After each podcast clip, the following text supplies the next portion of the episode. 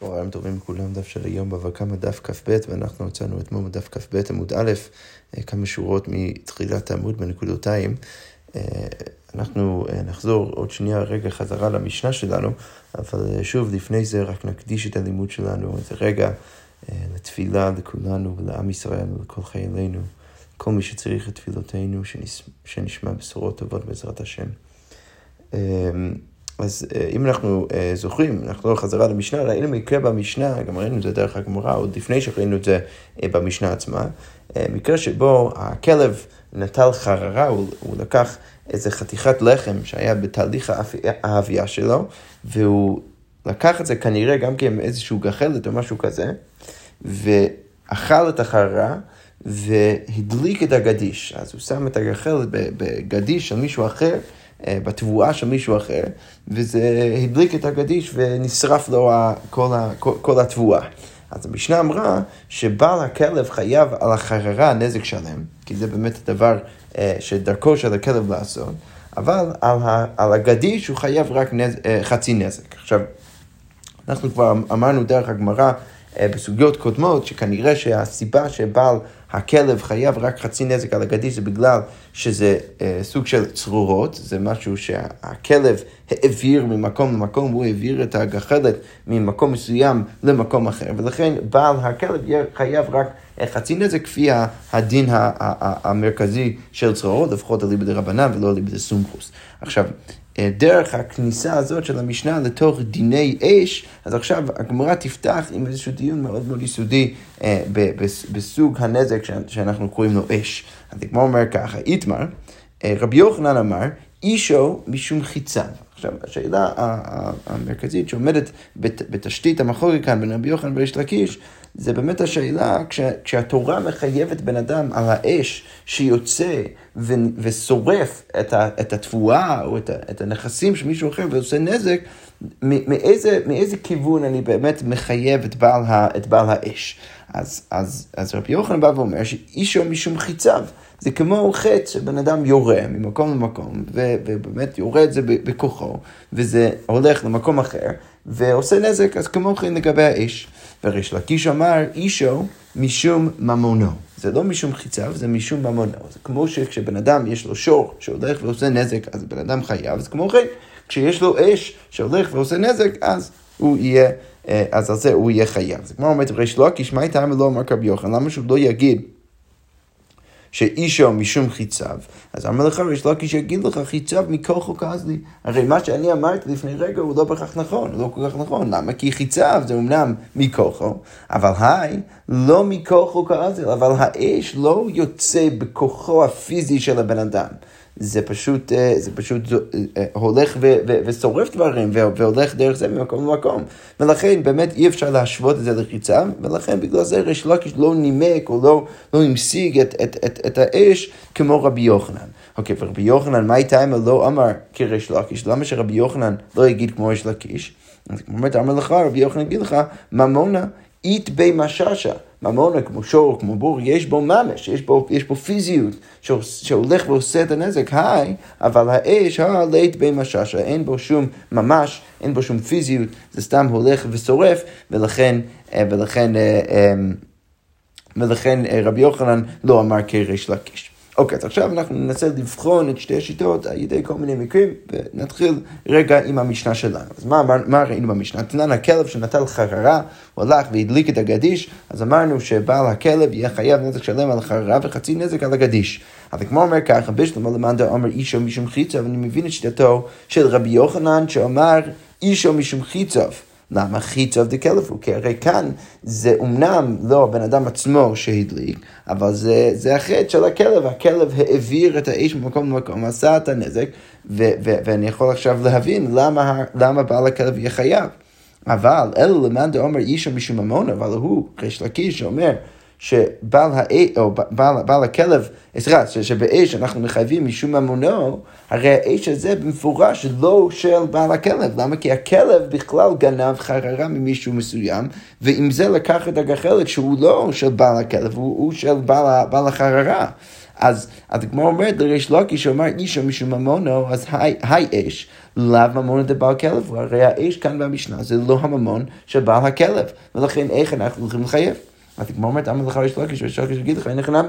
באמת בגלל שזה לא האש של בעל הכלב, אז באמת אנחנו לא יכולים לחייב על כל, על כל הדליקה. אלא כשהמשנה אמרה שהוא חייב בגדיש, למה המשנה התכוונה להגיד? אז הגמרא אומרת, אמר לך ריש לוקיש, אנחנו במאי עסקינן, דעדיה עדויה. צריך להגיד שמדובר במקרה שהכלב לקח את החררה וזרק את החררה לתוך הגדיש. עכשיו, כשאנחנו אמרנו במשנה שהוא חייב על הגדיש, למה התכוונו? אז, אז הגמרא ממשיכה ואומרת, על חררה משלם נזק שלם, בסדר, זה מובן. ועל מקום גחלת משלם חצי נזק, רק על המקום שהגחלת ממש נחת, ושם עשה, הכלב עשה את הנזק שלו ישירות, דרך כוחו ממש, אז שמה, ורק שמה, בעל, ה, בעל הכלב יהיה חייב חצי נזק בשום צרורות, זה יהיה רק חצי נזק כי זה עכשיו אה, דין שהוא דומה לצרון, ועל הגדיש כולי פטור, אבל על כל הגדיש הוא באמת יהיה פטור. אז כמו אומרת, באמת, הנה חינמי, אליבא דרש לקיש, הוא לא יבין ככה את המשנה, הוא יצטרך לה, לה, לה, להביא אוקימתא למשנה, באמת להגיד שהחצי נזק הוא לא על כל הגדיש, כי באמת זה לא האש שלו. אוקיי, ורבי יוחנן, שהמשנה הרבה יותר נוח, אה, אה, נוחה לשיטתו, אז רבי יוחנן מה יגיד? טען חנוך, אפשר להגיד שהמשנה אפילו מדברת במקרה שהכלב רק הניח את, ה, את החררה, ודרך החררה, סליחה, את הגחלת, ודרך הגחלת האש הגיע לגדיש. ולכן, על מה אנחנו מחייבים? על חררה ועל מקום גחל משם נזק שלם.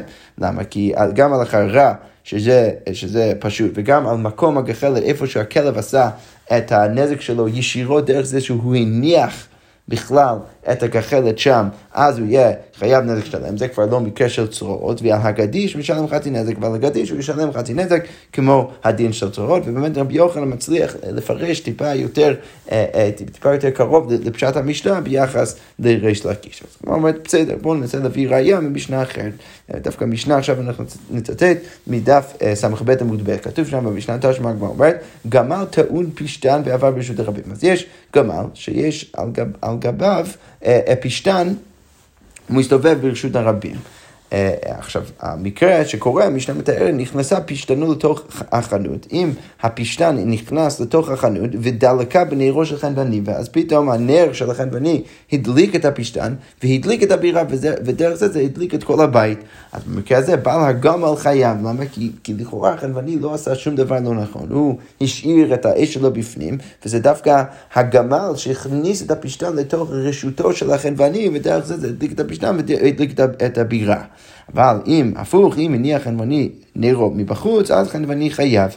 רבי יהודה אומר, בני חנוכה פטור. יפה, אז רבי יהודה בא ואומר, בסוגריים, לא קשור לסוגיה שלנו בינתיים, למרות שזו אמירה מעניינת, בא ואומר שאם הנר שהחנווני הניח בחוץ זה לא סתם נר, זה נר חנוכה, שם היה באמת רשות להשאיר את זה ככה, ולכן הוא יהיה פטור, אבל בכל מקרה אחר, החנווני יהיה חייב. אז שוב הגמרא אומרת, בשלמה למען דאמר איש משום חיצה, ורבי יוחנן זה ניחא.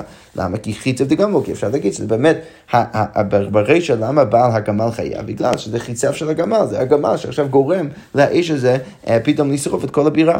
אבל אלו למאן דאמר משום ממון, אבל יש לקיש שאומר שאנחנו מחייבים באש משום שזה ממונו של, של, של, של ההוא שעושה את הנזק, של המזיק, אז האש לאו ממון לבעל גמל, הרי כאן האש הוא לא הממון של בעל הגמל, שוב, כמו שהקשנו גם למעלה. אז הגמר אומרת, אמר לך ריש לקיש, מה יש לקיש להגיד לך, אנחנו במה עסקינן? במסכסכת כל הבירה כולה. צריך להגיד שהגמל אקטיבית שורפת את כל הבירה, היא, היא, היא מסתובבת ו, ועם הפשטן שאגביו אה, אה, אה, הוא באמת אה, בצורה ישירה מדליק ו, ו, ו, ו, ושורף את כל הבירה כולה, אה, אה, רק הוא בעצמו. עכשיו, אם זה קורה ככה, זה לא ממש... זה אומנם האש שעושה את הנזק בסוף, אבל זה גמר שעכשיו מסתובב, זה לא שהוא עכשיו נתן לאש באמת אה, להתפרץ ו, אה, ו, ו, ו, ולשלוט על כל הבירה, אלא זה ממש הגמל ששורף כל מקום ומקום, ולכן, ורק במקרה כזה אני יכול להבין למה באמת בעל, ה, בעל, בעל הגמל יהיה חייב, מה שהיא אומר. ומסכסכת את כל הבירה, שהגמל עובר בפני כל הבירה ומסכסכו. דהוודאי הווה כולו כמקום רחל, ואז יוצא כמו התירוץ למעלה, זה, זה כל הבירה כמו מקום רחל, אז זה אנחנו יכולים להבין למה באמת בעל הגמל יהיה חייב. אבל רש"י כותב באמת, אבל מה, מה אתה יכול לדייק מזה? אבל בעלמא, שהאש הולכת מאליה, לאו חיצה ואין, זה לא נחשב, אה, אה, אה, זה, זה, לא, זה לא נחשב כחיצב, אה, ובאמת במקרה הזה ריש לקיש לא היה מחייב, כי באמת זה לא, זה לא ממונו. אוקיי, יפה. אז כל זה כדי לתרץ את הרשע.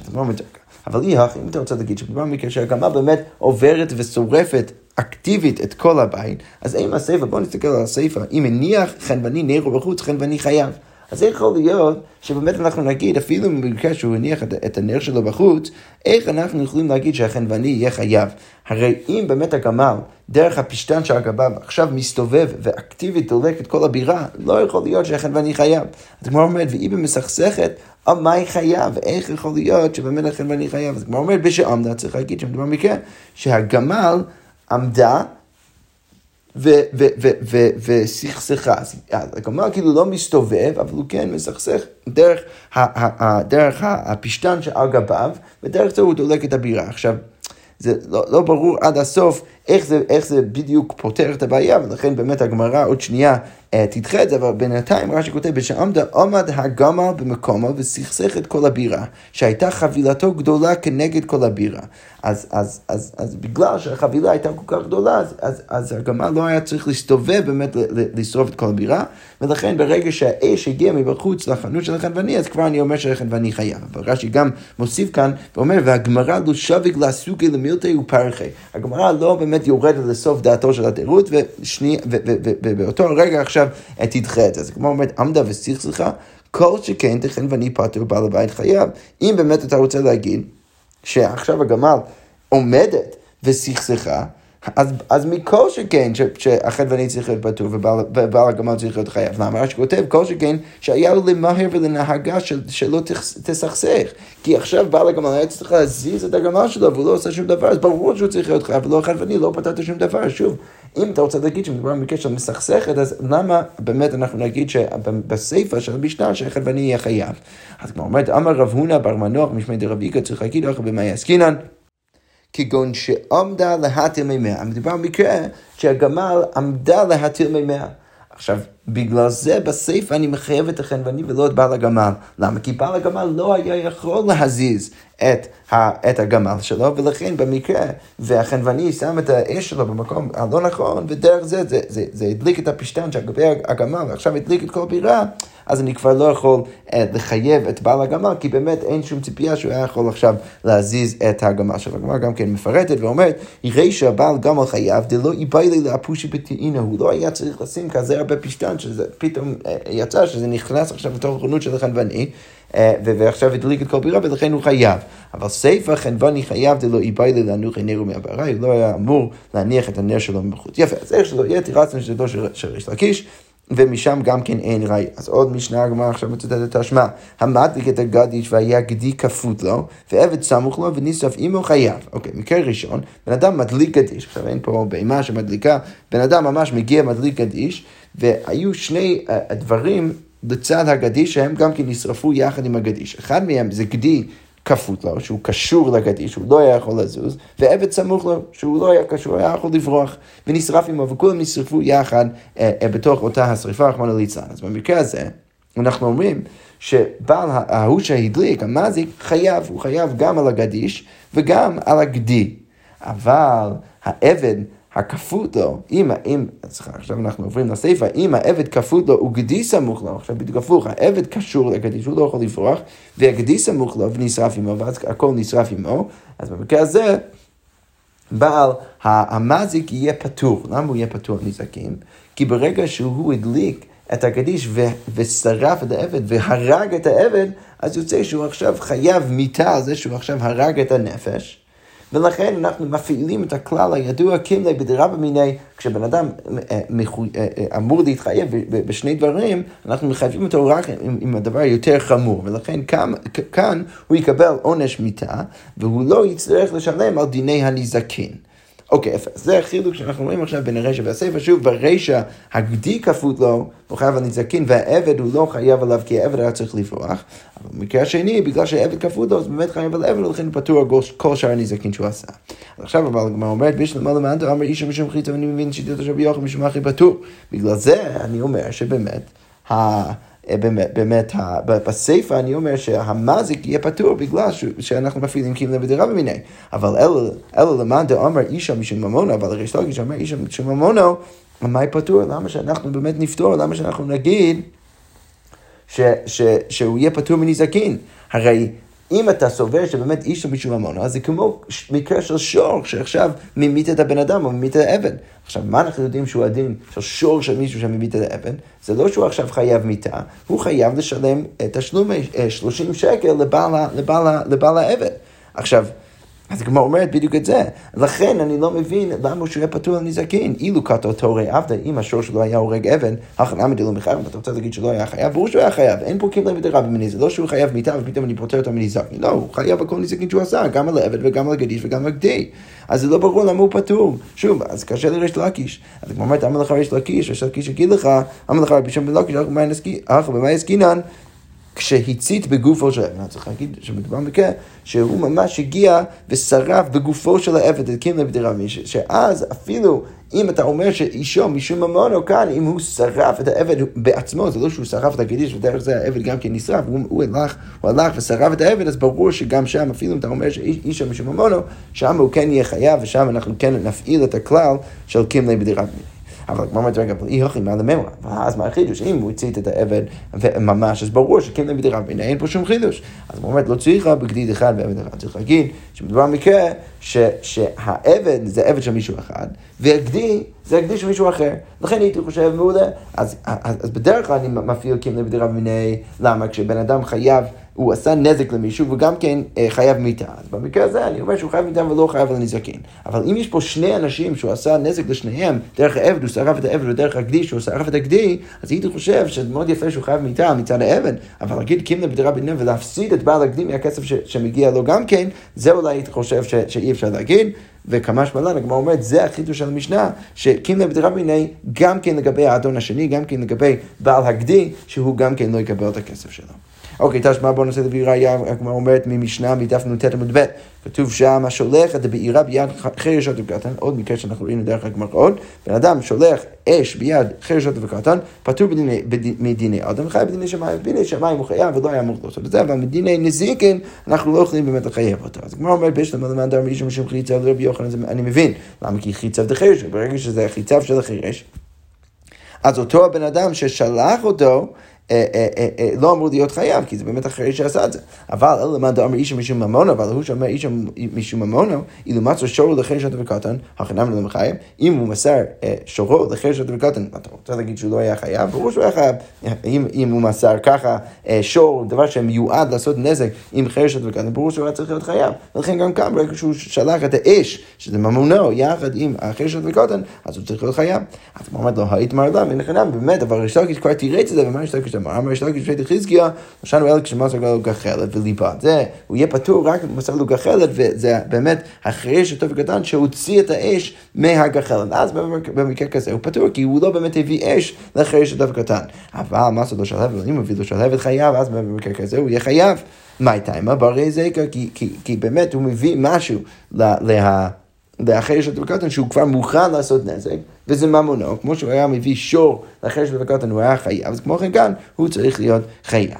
רבי יוחנן, שלכאורה יותר נוח לשיטתו, אמר רבי יוחנן, יגיד רבי יוחנן אמר, אפילו שלהבת פטור, גם במקרה של שלהבת יהיה פטור, כסף וצוותא דחירש כקיים בסוף, זה, זה, זה אחיזה של החירש שבאמת גרם לנזק לקרות, ולכן בעל ההוא שהביא את האש לאחר שאתה וקטן, אז הוא באמת יהיה פטור. אבל לא מחייב, האדמת אולי גזוזה, סילתא ושגו. הוא יהיה חייב רק במקרה שהוא מביא לו שלושה, שלושה דברים. אה, אה, אה, גבזה זה עצים יבשים, סילתא זה עצים קטנים, דקים, שאפשר לעשות איתם אש, ו...